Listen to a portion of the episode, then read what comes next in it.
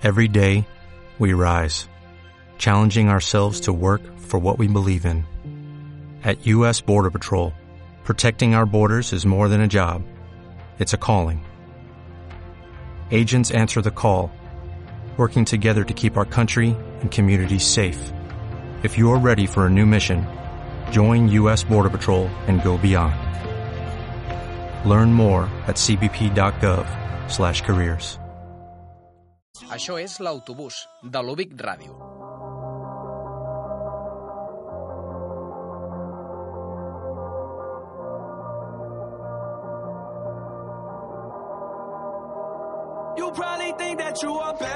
Bon dia, són les 12 i 32 minuts, us parla Jan Montpin. Benvinguts al 13è programa de l'Autobús.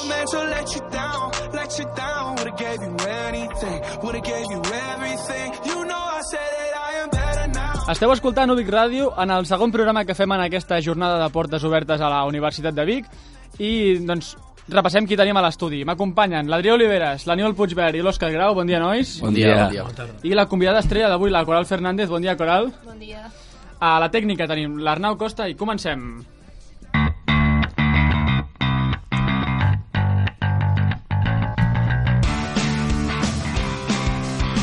Bé, doncs, de seguida comencem aquest programa en femení. Hi ha moltes sorpreses des d'ara de, fins d'aquí una hora, així que podeu posar-vos còmodes perquè anem a escoltar-les.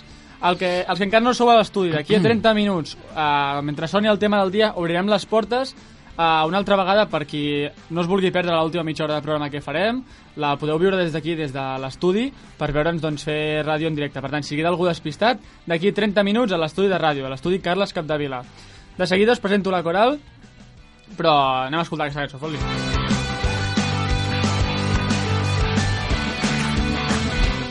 Bé, uh, Coral, eh, si estàs aquí és perquè avui podem fer un programa especial sobre l'esport en femení i començarem parlant sobre, sobre futbol, que és, que és el, el que dediquem quasi tot el nostre programa. Uh, acabarem tocant també altres esports, però bé, uh, explica'ns una mica, Coral, tu has jugat a futbol tota la vida, fa pocs anys que hi jugues, explica'ns. Mm, vaig començar a jugar a futbol quan tenia 5 anys i a sisè de primària ho vaig deixar per continuar a tercer de l'ESO i ara continuo jugant. Perquè tu has practicat altres esports a part de futbol, abans o després o durant? Sí, vaig practicar durant, que, durant aquests 3 anys que vaig parar a jugar a futbol vaig fer atletisme però em vaig adonar de seguida que no era el meu.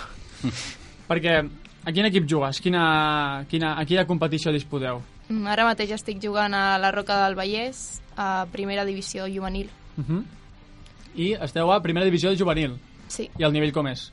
Hi ha nivell o no? Els equips com... Sí, sí, hi ha molt nivell. És una lliga molt molt igualada perquè el, igual que el primer pot empatar amb el penúltim, el sisè pot perdre contra les penúltimes. Perquè um, bueno, hem parlat a vegades del, del nivell del futbol base masculí, però el futbol base femení, uh, com dius, és tot que està molt empatat o és només, uh, en aquest cas, la teva, la teva categoria? O això sol passar bastant, que els equips doncs, competeixen tots entre si? Sí, jo crec que a totes les categories això passa molt. De futbol femení, eh, parlem? Sí, sí, sí, de futbol femení. Bé, uh, doncs uh, tenim al telèfon uh, una experta també en futbol base femení.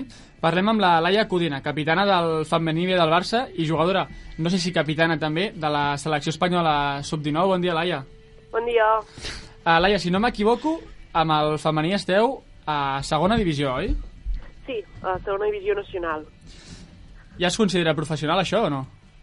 No, no, no. Aquesta, de fet, professional, amb prou feines ho és la primera divisió femenina. Uh Mhm. -huh. el, el Barça com a, com a equip, primer equip sí que ho és, però molts, molts equips de primera divisió encara no ho són. Perquè Laia ara ens estava explicant una mica la, la Coral doncs, la seva trajectòria i com veu ella la, la categoria en la que juga. Tu quants anys fa que jugues a futbol i al Barça? Vas començar al Barça? Vas començar a un altre lloc? Bé, jo vaig començar amb 4 anys jugant al Caçà, que és uh, l'equip del costat del meu poble. Uh -huh. Vaig jugar amb nens fins als 14 anys, que era el màxim. Després ja vaig fer el salt cap al Barça, on, on hi porto 5 anys. Molt bé, I, i quants anys fa que jugues a la selecció espanyola? Um, la selecció espanyola, el primer cop hi vaig anar a sub-16, que vaig anar a un torneig així, però oficialment no he jugat uh, un partit o un campionat fins, fins aquest estiu a, amb el sub-19 un campionat d'Europa. Que, per cert, digue tu. Ah, vam ser campiones, sí. Molt bé, eh, molt bé. Això, això ho sabia. I no ets capitana, oi, de la selecció, o sí? No, de, de la selecció espanyola no, no, no, encara no. Bé, i, però del Barça, del femení del Barça sí, què implica això? Sí, del Barça sí, de, de fet, uh, aquest any és el meu primer any com a capità en, en, en el filial uh -huh. i implica responsabilitat, però alhora també, vull dir, no és un orgull i un honor portar el braçalet a cada partit i, i ser com, com la imatge de, del teu equip, doncs, doncs a mi m'enorgulleix moltíssim. Perquè què, què ha de tenir una persona per ser capità o capitana del Barça? Doncs, uh, principalment, evidentment, lideratge Uh -huh. i alhora, doncs, que l'equip t'entengui i, i saber transmetre uh, el que vol l'equip cap als entrenadors i el que volen els entrenadors cap a l'equip. Vull dir que hi hagi una connexió, fer una mica aquest pont, que, que hi hagi bon ambient i, i al final que això es noti al camp, que és el més important. Bé, i, i ja per acabar les preguntes concretes sobre, sobre tu, ara, ara passarem a parlar de, de com veieu el futbol femení en general. Um, una mica com és uh, dins del Barça la- l'ascens de jugar de, del femení B al, al primer equip com és aquesta transició? És fàcil? És difícil? Costa? No, és, a veure, és molt difícil. Uh, veiem que hi ha molt poques jugadores que aconsegueixen fer el salt, Uh -huh. bàsicament perquè el, el Barça, el primer equip, um, el que vol, principalment l'objectiu així és arribar el més ben possible a la Champions i per això doncs, es necessita molta experiència i agafen moltes jugadores de fora de l'estranger. Ara bé, mm, uh, no, ho descar o sigui, no ho descartem, veiem que les portes de tant en tant es van obrint i nosaltres estarem allà per, per aprofitar-ho i, i quan tenim l'oportunitat que la tenim uh, per anar a entrenar i algun cop anar convocades, doncs, doncs allà estem i ells ho saben i, i confien en nosaltres. Bé, per tant, treball, constància i, i seguir Exacte, fent feina, no? paciència, paciència, sobretot. Molt bé, bueno, tinc aquí els, els meus tres companys, l'Aniol, l'Adrià i l'Òscar. Um, com veieu el, el futbol femení? El que, el que ens arriba si no anem a buscar informació directament, nois, com ho veieu? En general, cert que el, els últims anys, els últims temps, doncs ha agafat, està com més de moda, diguem. En general està, jo crec, pujant, però tot i així jo crec que falta moltíssim, Sí. moltíssim, moltíssim. Sí, sí, no. Adrià, Està- com ho veus? Doncs això que falta moltíssim, perquè jo, sincerament, del futbol femení me n'adono molt poc, si no és per xarxes socials, que hi ha un partit molt important, com el que abans hem comentat entre l'Espanyol i l'Atlètic Club, sí. ai, l'Atlètic de Madrid. De Madrid. Però si no, trobo que s'ha de treballar molt i es necessita que hi hagi més, més com es diu, més patrocini o més anunci. I tu, Coral, com ho veus? Jo crec que en aquest últim any és quan més s'ha progressat, però encara, encara queda molt, sí. molt i molt camí. I Laia, des, de, des del Barça, com ho veus?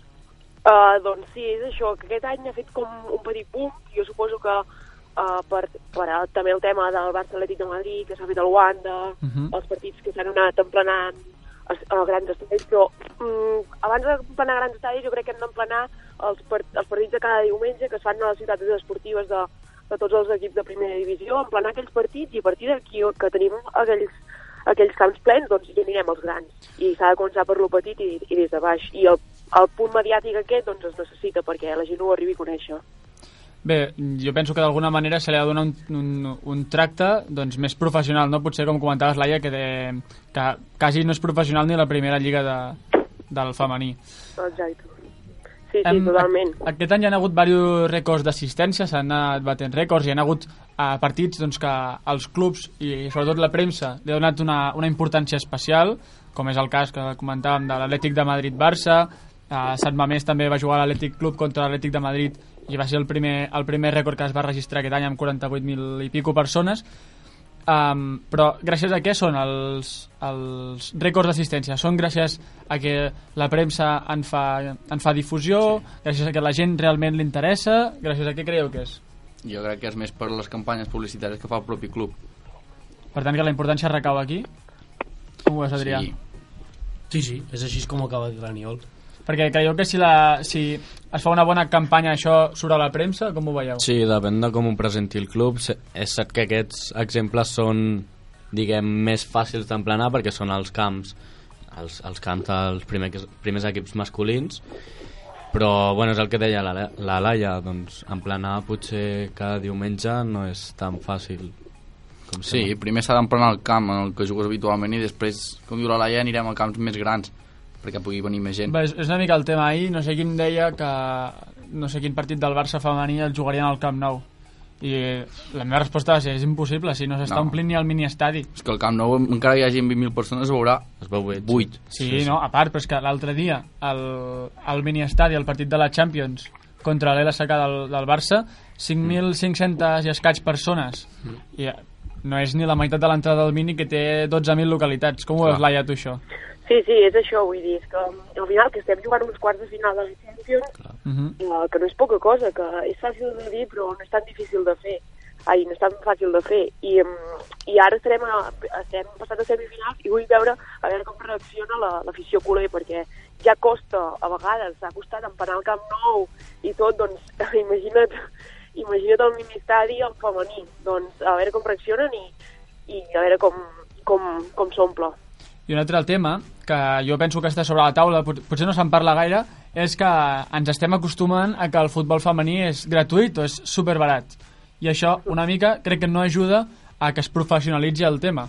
Uh, Coral, què en penses d'això? Perquè jo penso que si t'acostumes ara a que anar a veure el Barça femení, per exemple, que és de lo milloret que hi ha ara de femení, um, et costa doncs, un euro, que són les despeses de gestió de comprar l'entrada per internet, um, Sí, després, d'aquí uns anys, a, a un temps vista, què passarà? La gent no voldrà pagar 20 euros. I, Sí, sí, 20 euros. després potser quan et demanin més diners ja diràs no, per aquests diners jo no aniré a veure un partit de femení, però clar, és que ara mateix si tu cobres una entrada mm, de més de 20 euros per veure un partit de futbol femení, ara mateix jo crec que no, no ho pagaria.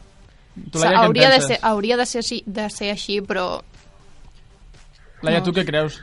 Sí, sí, no, no, sí, a mi el, el preu em sembla una vergonya, però clar, és que qui et ve? Qui et ve? No et vindria ningú si fos el preu alt. I, uh, I si no m'equivoco, el, preu per l'entrada al final de la Champions femenina està a 3 euros, el, el, la, la més cara, imagina't, imagina't. O sigui, no sé, és, és una vergonya, però és que no, no et ve ni, amb prou feines et ve gent així, Clar. per això ja et dic, és més a nivell mediàtic, que la gent s'enganxa, que jo crec que no hi haurà problema. Bueno, mira, jo, jo que vaig estar al Wanda Metropolitano al, a l'Atlético Barça, Hm. la meva entrada, i una entrada normal, bé, va costar 5 euros. Amb despeses de gestió, 6. Però, Imagina't. clar, és que estem parlant de res, del partit més important de l'any de la Lliga, és, Mm. és com un Barça-Madrid, això, perquè ens entenguem amb el futbol masculí. I Uh, no sé, Òscar, tu què en penses d'això? És difícil perquè és el que esteu dient si no pots cobrar un preu diguem normal per una entrada perquè no s'ompliria Uh -huh. però el, el, que, el que acabarà passant amb això potser és que sí que aconsegueixes que vingui més gent però no recaudar tant per entrades perquè quan la gent s'acostuma a un preu o, o, o a algo quasi gratis és molt difícil canviar-ho Doncs sí, no? bueno, és que és això el que penso jo que d'aquí un temps si es pretén doncs, cobrar preus més alts i això, bueno, veurem, veurem com, com van el tema dels patrocinis i això que al final és el que dona diners als clubs perquè puguin fer inversions fora, com comentaves Laia, de fitxar estrangeres per, per tenir millors objectius. Una altra de, de les coses que em crida l'atenció del, del futbol femení són, és a dir, si em pregunten a mi si el, si el futbol femení és diferent al futbol masculí, dic evidentment que sí. És futbol, evidentment, però per mi els valors que representa són uns altres molt diferents als que representa el futbol masculí. Coral, tu que hi jugues, quins valors creus que té el, el futbol femení? Ho dic perquè em crida molt l'atenció quan acaben els partits, per exemple, el Barça al mini-estadi, doncs que el que fan les jugadores no és anar al mig del camp aplaudir i marxar, sinó que s'acosten a on hi ha l'afició, signen autògrafs, es, es fan fotos... Això és impensable al futbol masculí. Com ho veus? Sí, jo crec que el tracte entre l'afició i, i les jugadores al futbol femení és molt més proper que, que no pas al futbol masculí. Uh -huh. Potser perquè els jugadors de futbol masculí s'ho tenen molt més cregut i es creuen que són com un tresor i... Bueno, són ídols de masses, no? Sí. Ja. Tu, Laia, com ho veus, això de que després dels partits s'acostin a signar i a fer-se fotos?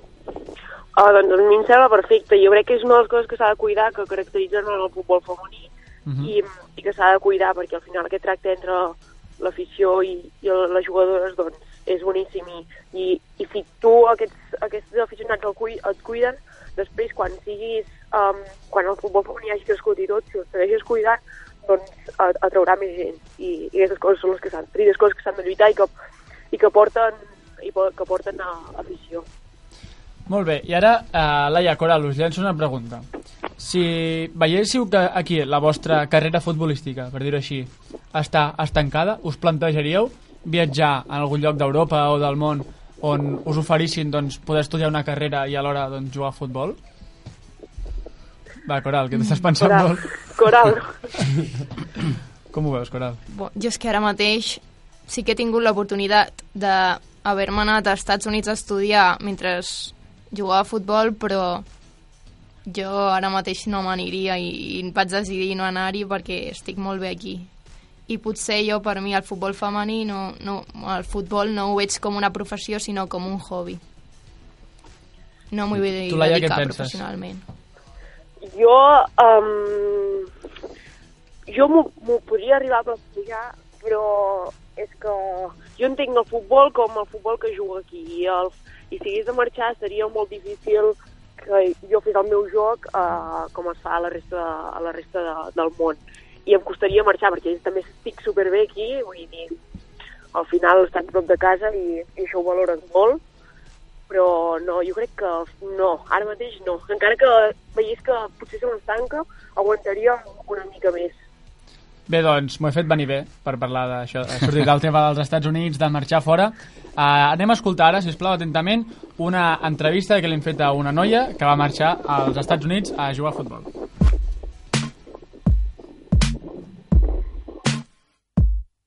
Hola, soc la Cristina Riga, tinc 20 anys i des de fa 19 mesos que visc a, a Melbourne, a l'estat de Florida, dels Estats Units. Jugo a futbol um, a l'equip de la universitat Eastern Florida State College. Vaig començar a jugar a futbol sala quan tenia 4 anys a l'escola primària i després, quan tenia uns 10 així, em vaig decidir fer una prova a l'Espanyol, em van agafar i vaig estar jugant allà 6 anys i després um, els dos últims anys que vaig passar jugant a Barcelona um, vaig estar al club de futbol DAM just quan vaig canviar um, a la DAM els meus pares em, em van preguntar si m'interessaria marxar als Estats Units a estudiar i jugar a futbol. Jo no ho vaig pensar, vaig dir que sí. Aquí es prenen l'esport um, és molt important o sigui, us pot veure només perquè en tots els equips hi ha gent internacional i es nota, amb la qualitat de, de joc es nota moltíssim i es pren diferent a Espanya. L'objectiu màxim és aconseguir els, guanyar els nationals que a nivell de tot el país.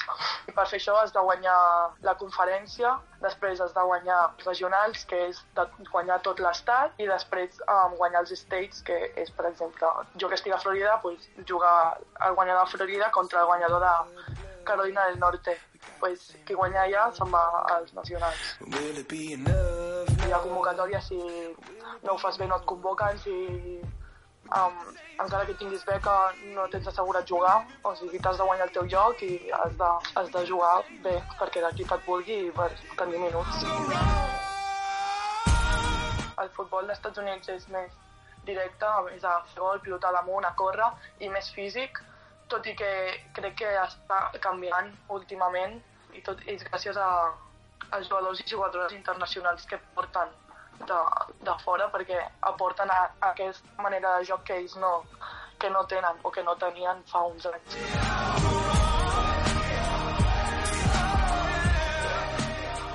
Si tingués l'oportunitat de, quan acabi la carrera universitària, tornar i jugar a futbol i poder-me dedicar, si després pues, ja viure de el que he estudiat, el que sigui, seria pues, aconseguir el, el que tenia pensat quan vaig decidir marxar als Estats Units. el futbol femení encara no poder viure només per jugar. I els records d'assistència crec que un canvi en el futbol femení i crec que és gràcies a la gent que hi va, els que fan créixer aquest esport i animo a que seguissin anant als partits i a veure la Lliga Iberdrola perquè o sigui, portem molts anys um, lluitant per, perquè se'ns vegin a, s'està aconseguint i és una gran cosa. I jo estic molt contenta de veure-ho des d'aquí què està passant. M'agradaria estar allà i poder assistir jo als partits i tot, però, però està molt bé. Moltes gràcies a vosaltres.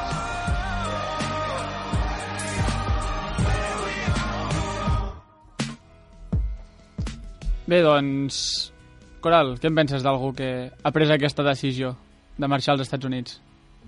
Primer de tot, és molt valenta de prendre aquesta decisió, d'allunyar-te a la teva família, als teus amics, i, i jo crec que és una molt bona oportunitat, ja que als Estats Units aposten molt pel futbol femení. Uh -huh. Laia, uh, tenim per aquí, oi que sí? Sí, sí, sí. Els, als Estats Units, com ens comentava la, la Cristina Garriga, uh, uh, s'està potenciant molt això de, de portar jugadores internacionals per canviar una mica la seva, el seu estil de joc. Creus que el futbol uh, europeu s'acabarà imposant aquest futbol més de toc i això més de, de l'escola del Barça? Um, jo crec que sí, però potser no tant de... sinó una mica de barreja, perquè ho veiem que al final quan el Barça juga a Europa, ja sigui el, el, el femení o el masculí, també necessita aquest punt més vertical que sigui tant de toc, perquè al final en el futbol s'ha de guanyar i el, es guanya marcant gols i per molt que passis la pilota si no marques gols doncs, doncs res, i serà una mica així de barreja, però sí que al final, el, el, si tens la, mentre tinguis la pilota, l'altre rival, el rival no pot fer res. Per tant, la base serà tenir la pilota. Molt bé, tenim també un altre, un altre document d'una altra persona amb la que hem pogut parlar que, que va marxar als Estats Units. Uh, hem parlat amb l'Helena Vinyes, que és una jugadora de 19 anys que doncs, va marxar també a Florida com la, com la Cristina. A veure, a veure què ens diu.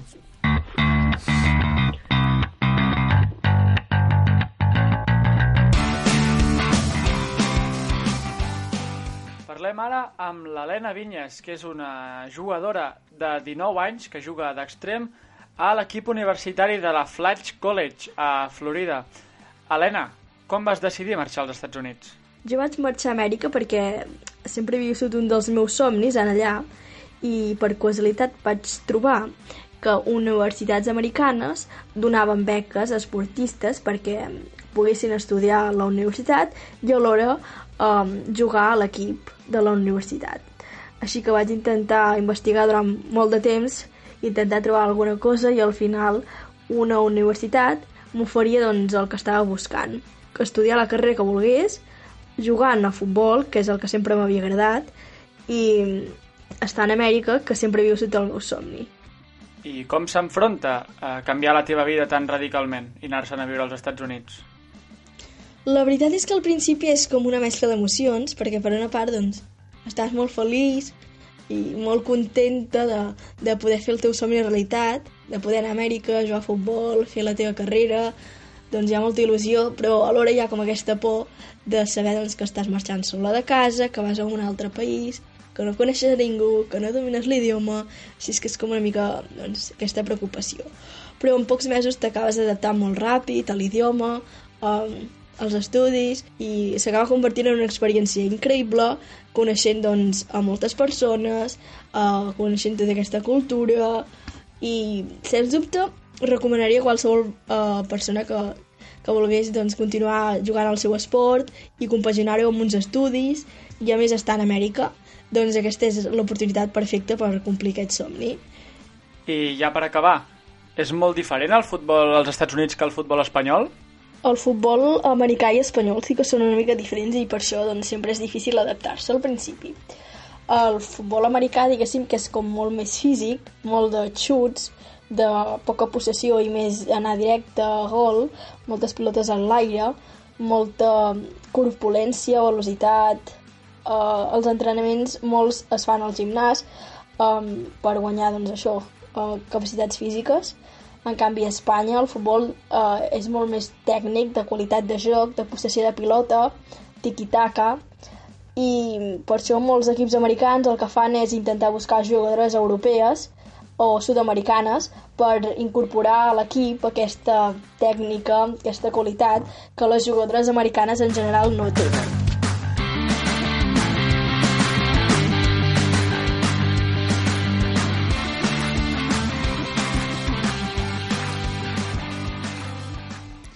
Bé, doncs, com ens diu l'Helena, als Estats Units sembla ser que l'aspecte físic és, és més important que, que aquí i es treballa més. Què en penses, Coral? Com, com treballeu l'aspecte físic? Eh, jo crec que, que mm, allà als Estats Units és molt diferent perquè eh, tenen, li donen molta més importància a l'aspecte físic que no passa aquí, que el, com han dit les do, aquestes dues noies, eh, aquí és molt més de tocar pilota i allà el joc és molt més directe i hi ha molt més de contacte i bueno, aquí també treballem molt el tema físic però no, a, no en aquells nivells d'estar de, més fortes. I Laia, Laia com, ho, com, com has viscut tu això? Suposo que d'uns anys cap aquí cada cop heu treballat més l'aspecte físic, no? Sí, sí, moltíssim més. La veritat és que uh, potser ara fa ja... Aquest, bueno, és el tercer any uh -huh. que estem fent gimnàs abans de l'entreno i, i es nota perquè eh, al final uh, també hi ha un punt de físic en els partits i quan jugues a més nivell internacional encara més, es nota més i, i uh, estem fent gimnàs ara molt, tres dies a la setmana crec que són o dos uh -huh. abans de, abans d'entrenar i, i la veritat que s'agraeix també perquè uh, aguantes més els partits, pots competir um, a, més, a més intensitat i, i és una cosa que es necessita. Molt bé, uh, l'Òscar volia comentar-vos una, una coseta. Endavant, sí, per acabar, un tema així més social com la Laia ha dit que ha jugat amb nens fins als 14 anys. Coral, tu, tu has arribat a jugar amb nens? Sí, tota la Don... meva infància vaig jugar amb nens. Doncs això, juntament amb, amb la grada del futbol, amb l'afició, que com, com sabrem no és de la que transmet els millors valors a nivell d'insults ni res, voldria saber una mica com heu viscut i sobretot a la base doncs ser una nena i jugar amb nens davant d'una afició, diguem que no seria la més indicada. Jo personalment em va... sempre m'he sentit molt, molt ben recolzada, sí. tant per part de, part de la meva família com pels meus companys d'equip. Sempre han estat al meu costat i, i cap, en cap moment he escoltat cap comentari despectiu, però en canvi al parc sí, sí que quan jugava potser els nens deien oh, el que t'ha fet una nena, no sé què, i, i per ser una noia no podia jo ser més bona que un nen. Sí, sí. I tu, Laia, com... Sí, sí, o sigui, totalment el mateix. Uh, jo per uh, l'equip, família i entrenadors que sempre he tingut a la base, doncs superbé, vull dir, em portaven, uh, portaven superbé i després, um, sí que per part de la grada em trobava que el que era, era el que em sorprenia més que per les mares dels altres nens de l'equip rival eren els primers a insultar-me i a dir-me bueno, mm, de tot, és igual, és igual, millor evito comentari. Sí, sí. A sobre les mares. Sí, és això, era, això és el que em feia més mal, i la meva mare sempre deia, que el pitjor és que era una, era una dona, que al final totes són dones, Fa, uh, facis el que facis, juguis el que juguis, doncs això s'ha d'evitar. I després aquests comentaris també de típic jugaves al parc, al poble o així, i, i semblava que no li podia ser un canyo a un nen, i dic, si jugant a futbol igual que tu, i, és, és igual, i, el que sí, i, i res, el mateix que la coral. Bueno, és un aspecte que suposo que amb els anys també s'haurà d'anar normalitzant, no? Perquè encara, sí. encara podrem sentir comentaris d'aquests. Doncs nosaltres hem de seguir amb el programa. Acomiadem ara a la Laia. Laia, moltes gràcies per, per doncs, haver xerrat aquesta estona i haver compartit uh, la teva experiència amb nosaltres. De veritat, moltes gràcies des d'aquí. A vosaltres. Moltes gràcies, Laia. Vale? A vosaltres. Nosaltres anem ara amb el tema del dia. Us, re us recordo que ara tothom que estigui despistat per aquí a la universitat és el moment de venir-nos a veure si voleu veure l'última mitja horeta de, de ràdio que farem en el, en el dia d'avui doncs podeu venir a l'estudi de, de ràdio que us estem esperant amb els braços oberts després del tema del dia no, més sorpreses, jo no, no us avanço res més. Fins ara. Us deixo amb Whenever, Wherever, de Shakira. Fot-li.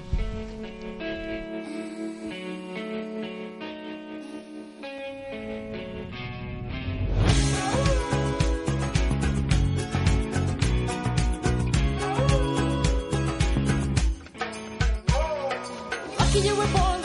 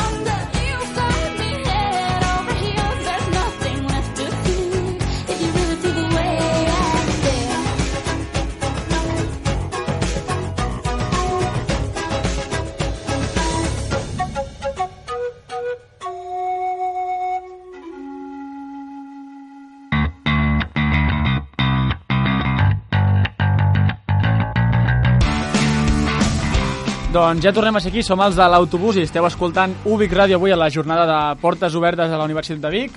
Eh, quan hem marxat parlàvem de, una mica de la importància de la preparació física del, del futbol femení de primer nivell. Doncs tenim al telèfon a la Sara Mèrida, redactadora física de la primera plantilla de l'Espanyol femení i també n'és exjugadora, oi Sara? Bon dia. Hola, bon dia, què tal, com esteu? Sara, eh, explica'ns una mica quina ha sigut la teva trajectòria, perquè ets exjugadora però tens 25 anys, si no m'equivoco, oi? Sí, bueno, jo vaig començar molt jove, vaig tenir l'oportunitat amb 16 anys d'accedir al primer equip de l'Espanyol. Uh -huh. I una mica mala sort, vaig, vaig patir quatre creuats, el que em van fer decidir ja per, per al meu genoll que no continuar amb, amb el rendiment. I bueno, a partir d'aquí em vaig orientar amb la carrera, amb la formació i mira, eh, de temps he acabat al mateix club on em van donar l'oportunitat de, de ser jugadora, de, d'avui estar amb jugadores lesionades i poder treballar amb elles i, i que tornin amb més seguretat i preparació a, a la dinàmica de l'equip. Perquè, Sara, tu ets redactadora física, oi? En què consisteix això? Sí, bueno, soc redactadora, és una figura que porta molt pocs anys a, a Espanya, sobretot, Uh -huh. i bueno, no és molt coneguda, és una redactadora que el que s'encarrega quan es crea una lesió de, de fer tota la preparació tant articular o muscular i física a l'última fase perquè retorni a l'equip amb les millors qualitats i sense haver de saltar cap pas i, i en bones condicions. Al cap i a la fi hem d'assegurar-nos que, que tornin com estaven abans o, si és possible, millor. Així que, bueno, és una mica aquesta funció té aquesta, aquesta figura nova de redactació. Perquè eh, tu, a part de ser redactadora, també participes en la preparació física del primer equip? Bueno, eh, el, el, hi ha un preparador físic que és el Raül, que uh -huh. bueno, és un tio amb, molta, molt coneixement, molt, amb, amb molta projecció, a mi m'agrada molt treballar amb ell, simplement bueno, li ofereixo una mica l'ajuda perquè jo bueno, he tingut experiències de preparadora física amb el Sant Andreu femení i tal, i uh -huh. simplement li ofereixo la meva ajuda i, i col·laboro amb ell, sobretot a la part de força del gimnàs, i ell s'encarrega tot de lo de més, que per això és el preparador. Però bueno, sí, eh, vaig fent el, el que puc i el que em necessitin al club eh, estic ajudant. Perquè com és d'important la preparació física d'un equip de futbol femení? Bueno, ja no és que sigui de futbol femení, sinó jo crec que avui dia qualsevol esport, la preparació física ha agafat un poder d'importància bastant rellevant comparat amb 10 anys o 20 anys enrere. Uh -huh. eh, I llavors, bueno, és important tenir, avui dia tenim recursos, podem agafar dades de força, d'estabilitat, tenim recursos al gimnàs, material per treballar, també, per sort, eh, en l'època que estem ara al futbol femení, cada vegada la gent que, que està al cos tècnic té més formació, s'encarreguen de, de les coses més especialitzades, eh, no està l'entrenador que s'encarrega de tot, no? sinó que hi ha, hi ha prepa, hi ha afició, hi ha segon, hi ha analista, hi ha redactació, hi ha prevenció de lesions. Llavors és molt important, més que res, perquè cada vegada la competició en futbol femení és més competent, eh, hi ha més nenes que tornen a jugar i llavors hem de detallar i buscant, buscar la, el, qualsevol aspecte per fer que sigui millor aquella jugadora i que doni més rendiment a l'equip i cada vegada això es nota perquè hi ha més formació i, i més preparació. Bé, imagino això que comentes de que hi ha moltes figures que s'encarreguen d'aquesta preparació física. Intueixo que en els últims anys ha evolucionat molt, no?, aquest tema de la preparació física? Ha evolucionat algo increïble perquè, bueno, jo vaig, vaig viure com a jugadora fa 10 anys al mateix club, a l'Espanyol, Uh -huh. i el que veig ara que hi ha al club eh, és incomparables i abans havia un, un home o una dona que fos prepa o que o, o a vegades que ni ho era, no? Jo llevo, venga, a subir escaleres, tal, no sé què, qual. I, bueno, t'havies d'adaptar això i tampoc tenies més recursos, ni eres conscient tampoc tant de la importància d'aquesta part, no?, de la preparació física. I avui dia doncs, tenim eh, recursos, màquines donen dades per, per equilibris musculars, isocinètics, còniques per treballar, i ja et dic, sobretot la formació i, i l'evolució de la teoria de l'entrenament la que fa també que, que la preparació del cos tècnic sigui millor, del preparador físic i, i sobretot el club no, també dona, dona una mica més d'importància al femení, et dona més recursos per tenir aquestes dades. I al cap i a la fi ja et dic que eh, és superimportant per nosaltres tenir dades, tenir números i a part de tenir el nostre feedback personal també és important això, eh? et dona més seguretat i a la jugadora també tenir números i veure que van evolucionant i que es troben bé i bueno, és una evolució que, que en 10 anys jo personalment eh, no m'ho crec encara i sé que això acaba de començar, o sigui, això explotarà molt més i espero que sigui així. potser a tu t'hagués ajudat no, en el seu moment que hi hagués aquesta preparació física tan exhaustiva doncs, evitar lesions o no? Bueno, jo, jo quan parlo aquest tema m'entra una rissació una mica irònica perquè, clar, jo he viscut lesions eh, greus, com són quatre creuats, i ara estic jo amb creuats al club treballant amb ells. I clar, jo comparo el treball que van fer amb mi, i dic que no perquè siguin eh, dolents professionals, sinó simplement perquè no hi havia el recurs Ja, o no pels hi havia recursos. aquesta importància tampoc, saps? Mhm. i jo pues, abans de donar un alta jo faig test, faig test de camp, faig test de velocitat, de control, de... I, i, i és més, avui dia els metges, alguns, no tots, però generalment et donen més importància també a l'hora de donar l'alta mèdica o esportiva a un redactador, perquè tenen més en compte les dades, els resultats. Abans era una mica per temps i per sensacions seves, que també és important, però avui dia es complementa molt més amb, amb números i amb aspectes físics. També tenen, són més conscients d'aquesta part important, perquè tu pots tenir un creuat que estigui ja madur, fas una reso i dius, hòstia, nou mesos, ja està madur ja estàs per jugar. Però a lo millor vaig jo i li dic, hòstia, a nivell articular està bé, però mira, eh, li sobren, jo què sé, eh, un 4% de grassa, Mhm. eh, la, el genoll encara no cau, no recepciona bé, cau cap a dins, eh, li dono dades i això li dona també ell seguretat i, i coherència a l'hora de dir, vale, pues, aguantem una mica més, treballem aquests aspe- aspectes i amb un mes tornem a valorar. O Bé, segurament això evita, evita també lesions i és... recaigudes, i, Sí. sí, totalment, totalment, totalment, que va de la mà. Jo, jo sóc INEFA i ja et dic que ara estem, estic més a, a la rama de la salut, com és la redactació, Mhm. però jo mai he, sabut separar aquests dos àmbits, és a dir, si hi ha una bona preparació física, és una, és una prevenció de lesions, i si fas una bona prevenció de lesions, significa que has de treballar la força, que han d'estar bé físicament, sí, al cap i a la fi jo crec que són eh, aspectes multidisciplinars que, que, que, que eh, s'agafen de la mà. I aquesta preparació física, Sara, eh, arriba més enllà de, del que és la vida professional d'una jugadora? És a dir, eh, s'emporten a casa feina per fer o un pla de salut o una dieta específica que hagin de seguir? Bueno, també és això, un, un avanç que tenim específicament nosaltres a l'Espanyol és que des de l'any passat tenim nutricionista, Marina, Uh -huh. i bueno, està molt a sobre, fa revisions, fa perímetres cada mes o cada dos mesos segons, segons una mica també les càrregues, i bueno, és el que et dic, eh, avui dia el, el, el futbol femení ha creat aquest ambient de- d'equip multidisciplinar, el cos tècnic, que, que vulguis o no, pues, dades, eh, tant de nutrició com preparació física, el que sigui, van enllaçades. I al cap i a la fi és, és el que dona també l'èxit i, i el bon rendiment de l'equip. Bé, ha una, una mica extra, mm, no diré professionalment, però bueno, extra, preparació física.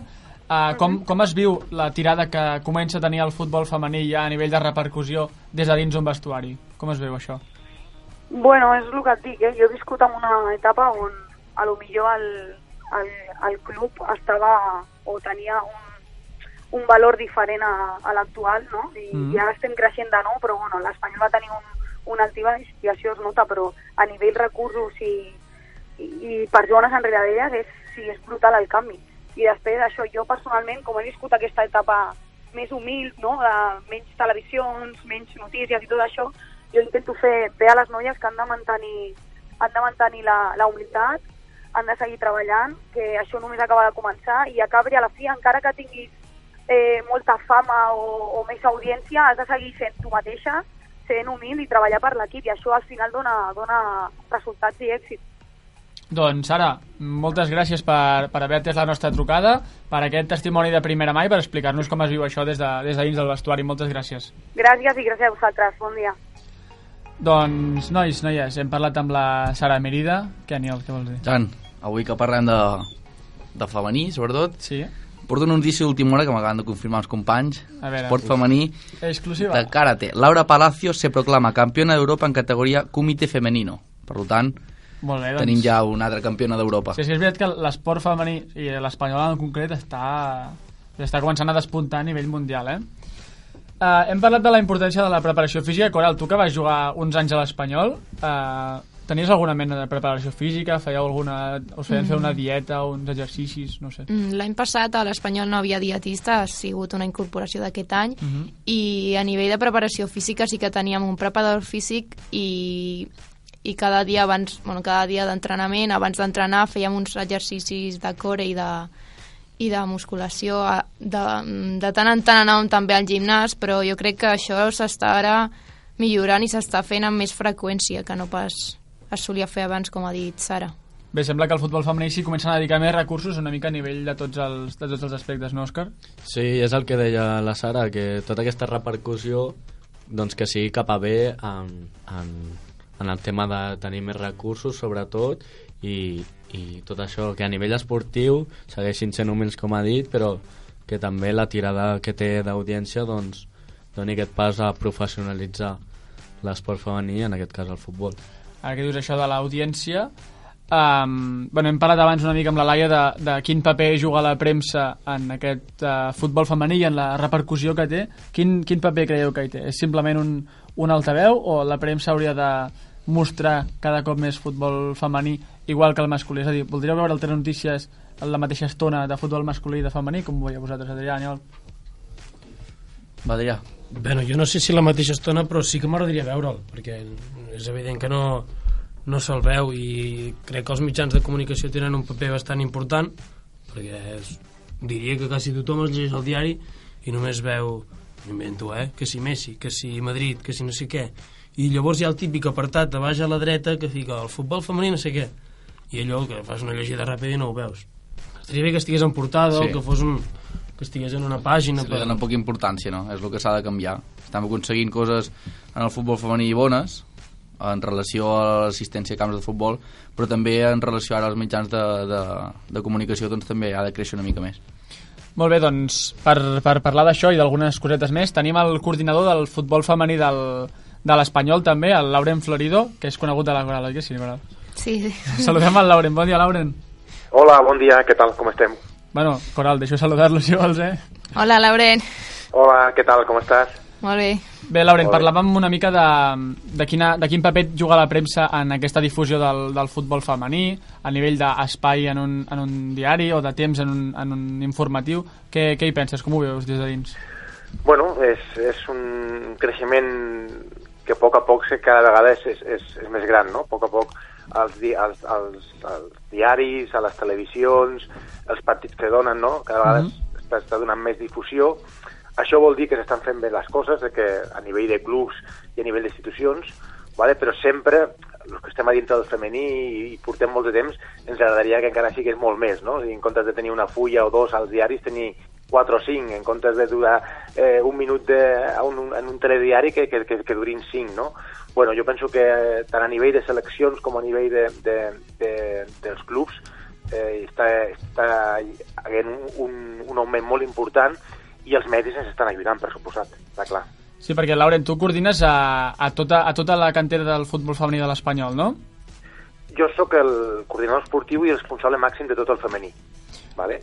I que uh mhm. -huh. no només és, és el que és el tema esportiu, sinó també institucional, eh, econòmic, una mica tot. ¿vale? És a dir, que dintre de l'estructura femení, que no som gaires persones, ¿vale? però sí que ho tenim dividit en, en, en, en diverses cosetes, però jo sóc el, una, una mica el responsable màxim. I què, què rebeu per part de la premsa? Noteu que, la, que el tema d'acreditacions, seguiment que se'n fa dels partits, sí, declaracions... Cada vegada més, cada vegada més. La veritat que el nostre departament de comunicació cada, cada vegada té més peticions per sortir a ràdio, cada vegada té més peticions per, per anar a... Uh -huh. eh, jo penso que aquest boom del futbol femení a, a dintre del club s'està notant i, ja dic, i els medis eh, tothom està fent perquè, perquè, perquè el, feme, el futbol femení continua creixent a nivell d'esponsors el mateix, o sigui, aquest any nosaltres hem, hem signat amb el grup Miró i, i, i sé que el club opcions, no? O sigui, jo penso que, bueno, eh, aquest boom que estem, que estem vivint, uh -huh. bueno, l'Espanyol està a l'altura i, i, i penso que està col·laborant amb tot el esport de cara que es, es, es faci una major difusió de, de tot. Perquè, Laura, tu treballes amb, amb jugadores que ara comencen a treure al, al cap, eh, doncs a la premsa i als informatius i això, però aquestes jugadores doncs, fa molts anys que es juguen i lluiten també pel seu sí. somni de ser jugadores professionals. Eh, però com, com han crescut aquestes noies que no han tingut uns referents en el futbol femení? Bueno, al final sí que els tenien, eh? O sigui, les jugadores en sí sí que tenien uns referents, perquè entre elles es coneixen totes, no? Uh -huh. eh, però sí que és veritat que, que bueno, no és com el masculí, per suposat, no? O sigui, eh, inclús algunes de, de, de les veteranes o mig veteranes, no? Quan, quan, quan parlo de veteranes dic a partir de 28, 29, eh, en, en aquests dies, quan parlem pels entrenos, me diuen, ostres, Laura, està arribant això, i a mi em queda poc, no? Eh, comencen a gaudir de que, bueno, d'això, de que surtin als diaris, les xarxes socials van, van, van que volen, comencen a jugar als estadis, no? es fan entrevistes cada dos per tres, és a dir, que aquestes noies que, han, que han crescut en un, bueno, en un entorn una mica més apagat, sense, sense, sense tanta difusió, doncs ara comencen a veure que ostres, se m'està acabant la carrera i això comença a treure fum, no? Bueno, jo penso que, a veure, eh, això va, com te deia, a poc a poc, però sí que és veritat que, que en qüestió d'un, dos anys, eh, el, el salt ha sigut bastant gran, no? Al final, ara mateix està, s'està negociant un conveni col·lectiu per elles, s'estan mm. negociant els drets televisius, clar, hi ha, hi, ha, hi, ha, hi ha coses que fa cinc anys es, es veien impensables, no? Doncs, bueno, això, això va a un, a un ritme, dic, molt, molt ràpid. Perquè com a responsable de, de coordinar el futbol femení, ens podries donar una xifra, no sé exacta o aproximada de quantes jugadores teniu a l'Espanyol? Sí, sí, tenim actualment 100, unes 140 més o menys entre vuit equips. Des de, des de, tenim dos alevins, aleví A i B, tenim dos infantils A i B, que aquest any l'infantil A el farem de futbol 11 per jugar amb nois, no per capritxo, sinó una miqueta per, per el tema de la seva formació. Uh -huh. eh, dos juvenils, A i B, un femení B, que, que seria el, el, el, el filial, i el femení A, que està...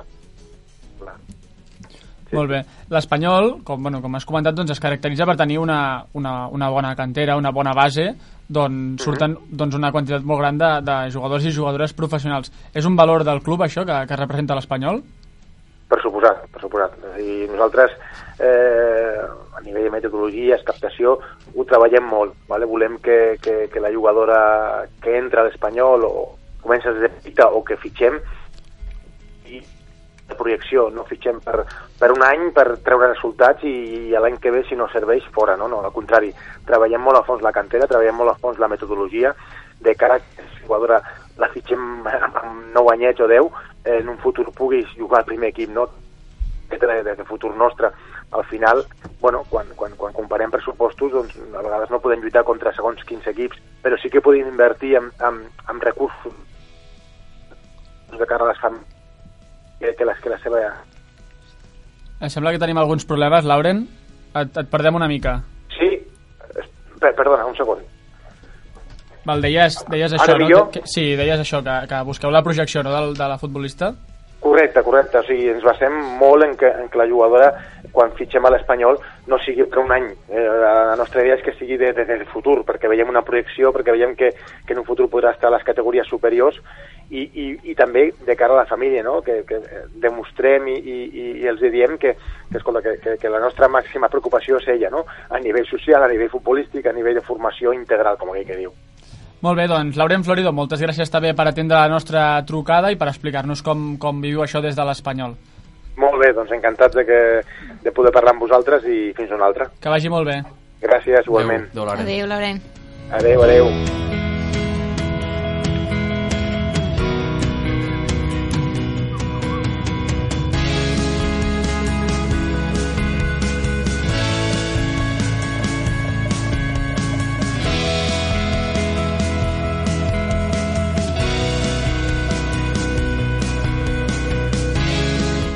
Bé, doncs, després d'aquesta trucada institucional amb, amb l'Espanyol, um, Coral, com, com ho vas viure tu, la teva experiència dins de l'Espanyol? Bueno, jo crec que sí que és veritat que aquest últim any és quan més ha millorat uh, l'Espanyol femení, uh -huh. però jo, per exemple, quan em van venir a fitxar, em van dir, et fitxem, et volem al nostre equip, però has de pagar. Que això és impensable uh, a nivell masculí i doncs, no sé, en aquest, en aquest àmbit l'espanyol femení estava bastant malament perquè... Però potser és un tema només econòmic o no? Eh, no, home, això que ha dit el Laurent, que només eh, bueno, fitxant jugadores eh, per com a projecció per arribar als primers equips i no per un any, en el meu cas no és cert perquè vaig estar només un any però bueno, jo crec que sí que el, que el més important és eh, això, buscar jugadores que puguin arribar a estar al primer equip, que, que el planter és molt important, però bueno, no, no estic del tot d'acord pel meu cas, però sí. Bueno, és una trucada... Suposo que és, un, és el, que, el que intenten i a vegades doncs, surt d'una manera o sí, surt d'una no, altra, no. no? Tots els casos no són iguals. A mi em va passar això, però hi ha moltes jugadores que tenen molta projecció i que, i que són del planter. No, és veritat, com veieu que un club es plantegi doncs, tenir aquesta, aquesta base sòlida en les categories inferiors doncs, per arribar a futur i no vagi de, directament a buscar jugadores a fora. Home, és bo. És molt complicat, també, tant a futbol masculí com a femení, és molt complicat arribar a l'elit del mateix equip on t'has format. Però, bueno, és, és important doncs, que vagin tinguent les jugadores, tant els jugadors com jugadores, eh? vagin tinguent una projecció i a partir d'aquí, si no arriben a, a l'equip el, tant el masculí com el femení, si no arriben a la màxima divisió, doncs que els puguin anar seguits altres equips, però que estiguin allà, això és important. Adrià, com ho veus? Jo estic totalment d'acord amb l'Aniol. No, però trobo que des de petit ja has de tenir els valors, ja has de ser allà perquè és el cas que li ha passat a la, a la Coral i en plan que tu estàs només un any i llavors ja has de marxar per certes coses Mhm. doncs està bé ser de, estar bé des de ben petit allà tenir una projecció per poder arribar a dalt i, i així no haver de buscar ajudes estrangeres I Òscar, tu que treballes també doncs, amb, amb esport femení i en aquest cas base, que és handbol, però és esport base femení, uh, com veus aquest tema dels valors i de fer créixer la, la jugadora? Molt, molt important, jo crec que és el més important, sobretot perquè eh, o sigui, en aquestes categories en futbol potser no tant, però sobretot en altres esports això de fitxar jugadors d'aquí i d'allà no, no és algo habitual, no? Mhm. Com a molt fitxar jugadors de, de, prop de, de prop del teu club. Jo crec que és molt important doncs, el plantejament que ha dit el Lauren, el plantejament aquest de fitxar una jugadora perquè estigui molts anys i perquè arribi el primer equip, el plantejament està molt bé, després la pràctica ja veurem si és més fàcil o més difícil aconseguir-ho, Ah, un altre tema. i després el tema que ha dit la Coral de pagar per jugar en un, en un equip, On et jo fitxen? crec, Bueno. sí, I sobre l'espanyol. Bueno, sí, jo crec que re, o sigui, reflecteix molt bé doncs, la situació de la- de, de l'esport femení, que com mol, molts altres esports, tant masculins o femenins a la base, també passa que has de pagar per jugar i, i, i és el que estem dient de poca professionalització de- d'aquests esports o, o d'aquestes seccions doncs fa, fa, fa que veiem això Coral, perquè aquesta és la teva, va ser la teva experiència d'aquest any a l'Espanyol, ara estàs a la penya blanca i blava de, de la Roca. Que avui juguen a Olot. Exacte, aquesta tarda, aquesta tarda jugueu a Olot. Sí, sis i quart. Gràcies per la falca, el senyor d'Olot. Um, com, com, com et sents tractada en aquest, en aquest club? També és un club que t'ha fitxat o te n'hi vas anar tu perquè vas voler? No, perquè jo ja, abans ja jugava allà i, i Mhm. quan vaig deixar l'Espanyol mm, tenia molt clar que tornaria a la Roca. Al ser un club més petit, el, el tracte és molt més proper i, i sempre et sents mm, recolzada tant pels entrenadors com coordinadors i, i les teves companyes i, i això, per ser un club petit eh, et sents molt més còmode, almenys per, al meu cas. Molt bé, si us sembla, canviem ara d'univers. Acabarem sentint una altra història d'algú que va marxar de, de casa doncs un bon dia per buscar-se la vida també amb el, amb el futbol femení. En aquest cas, no, perdó, no és amb futbol, és amb esport femení. Com dic, en aquest cas no és futbol, sinó és waterpolo. Saludem a la Carla Toa. Carla, bon dia. Hola, bon dia. Uh, Carla, explica'ns una mica la teva història. Quan, quan vas marxar, on vas anar, què vas anar a fer? Bueno, jo marxo um, quan acabo el batxillerat, la, els estudis, i me'n vaig a començar a universitat als Estats Units. Uh -huh. I vaig marxo a Califòrnia, a San José, I vas anar allà a dedicar-te als, al waterpolo al waterpolo. a sí. nivell universitari, vas anar. Sí, perquè allà, allà als Estats Units, clubs i coses no hi ha. Allà la gent que juga a esports és o professional, professional, o a les universitats. Perquè tu uh, vas marxar de casa. Això és una situació que suposo que no és fàcil, no? Bueno, no és fàcil, però allà t'acullen molt bé. I ja vas allà i no vas sola, tens a 20 nenes més del teu equip, per tant es fa molt més, molt més fàcil. Sí que marxes lluny, però en, en el meu cas no se'm va fer gaire difícil. I això va ser ja fa uns anys, oi que sí? Sí, sí, ara fa, fa 4 anys que vaig marxar. I has tornat. Vaig estar dos anys allà i, bueno, trobava a faltar bastant Catalunya, Barcelona, la gent d'aquí i vaig tornar. I quan has tornat aquí t'has seguit dedicant al waterpolo, has seguit jugant? Sí, sí, estic a, a divisió d'honor de, de waterpolo d'aquí espanyol. Com es viu el waterpolo als Estats Units? Perquè és veritat que una mica l'esport ho, ho viuen una mica tot a lo grande, no? Sí, sí, no, allà, si ets esportista, ets, vamos, un, un, héroe, quasi. Allà per la, per la universitat dels esportistes estan molt ben vistos. Perquè allà el que ofereixen són plans d'aquests de a carrera més dedicar-te a, a un esport, oi que sí? Clar, clar, perquè allà, uf, si vols estudiar és molt car. Jo, si no hagués anat amb beca, no, no hagués pogut anar-hi. I allà, el pla, el pla d'estudis d'allà i de- i de- d'entrenaments, de, com és? Allà és, eh, bueno, eh, dins de la universitat hi ha l'equip Uh -huh. i tu tens la teva carrera i a part doncs entrenes, entrenes amb el teu equip de la universitat i, i bueno, ja, ja, ja t'ho fan per, per, perquè t'ho puguis muntar. Tornaries a marxar de casa si, si et vingués una altra, una altra oferta o si tornessis a estar en aquell moment? Creus que és una experiència positiva?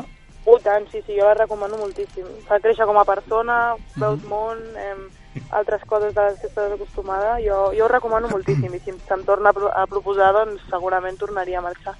I ja parlant una mica del, de l'esport aquí a, a casa nostra, hi ha diferències entre el waterpolo femení i el waterpolo masculí? Aquí a casa nostra, la- lamentablement sí. N'hi ha bastantes. Eh, bueno, la mateixa categoria de nois i noies del meu club mateix, eh, un noi més o menys del mateix nivell que jo pot costar cobrant tres vegades més. Si parlem de diners, clar. I a, a nivell de repercussió i tracte del club, de recursos, perquè en aquest programa estem Bueno. bueno. parlant amb diversa gent que ens ha comentat doncs, que últimament els recursos de l'esport femení s'estan augmentant. Sí que és veritat que es, veuen canvis, eh? Tot s'ha de dir que bueno, hi ha, hi ha ara mateix el- l'esport, al waterpolo, en el cas del waterpolo femení, eh, hi, ha, hi ha molta més visualització, els clubs comencen a, a tenir més en compte les noies, ja es comença a pagar les noies, que fins ara era algú estrany, i bueno, doncs, a poc a poc i anem, anem avançant, no? però encara hi ha molt a fer, crec jo.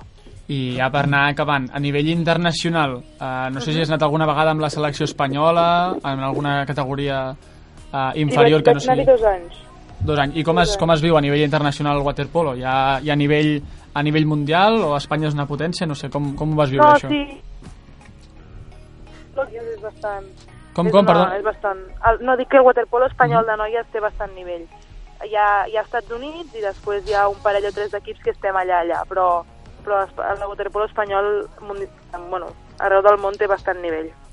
Doncs, nois, ja ho heu sentit, una història de d'una persona que també va marxar de casa, no? com comentàvem abans, Coral, que, que no és fàcil i, i va haver de tornar.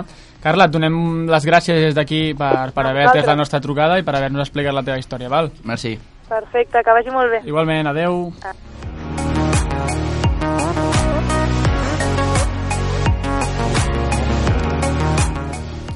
Bé, eh, anirem acabant el programa, si et sembla, acabem-lo. L'autobús en femení.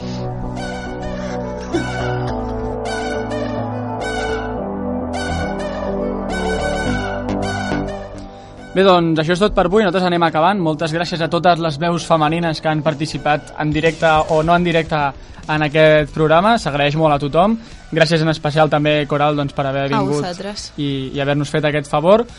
Nois, Aniol, Adrià i Òscar, moltes gràcies també per la vostra participació. A tu, Igualment. I recordo que l'autobús torna dilluns que ve a la tarda. Tenim nou podcast amb el bo i millor del, del cap de setmana i del que doni de si a l'esport. Ens veiem. Que vagi molt bé. Adeu!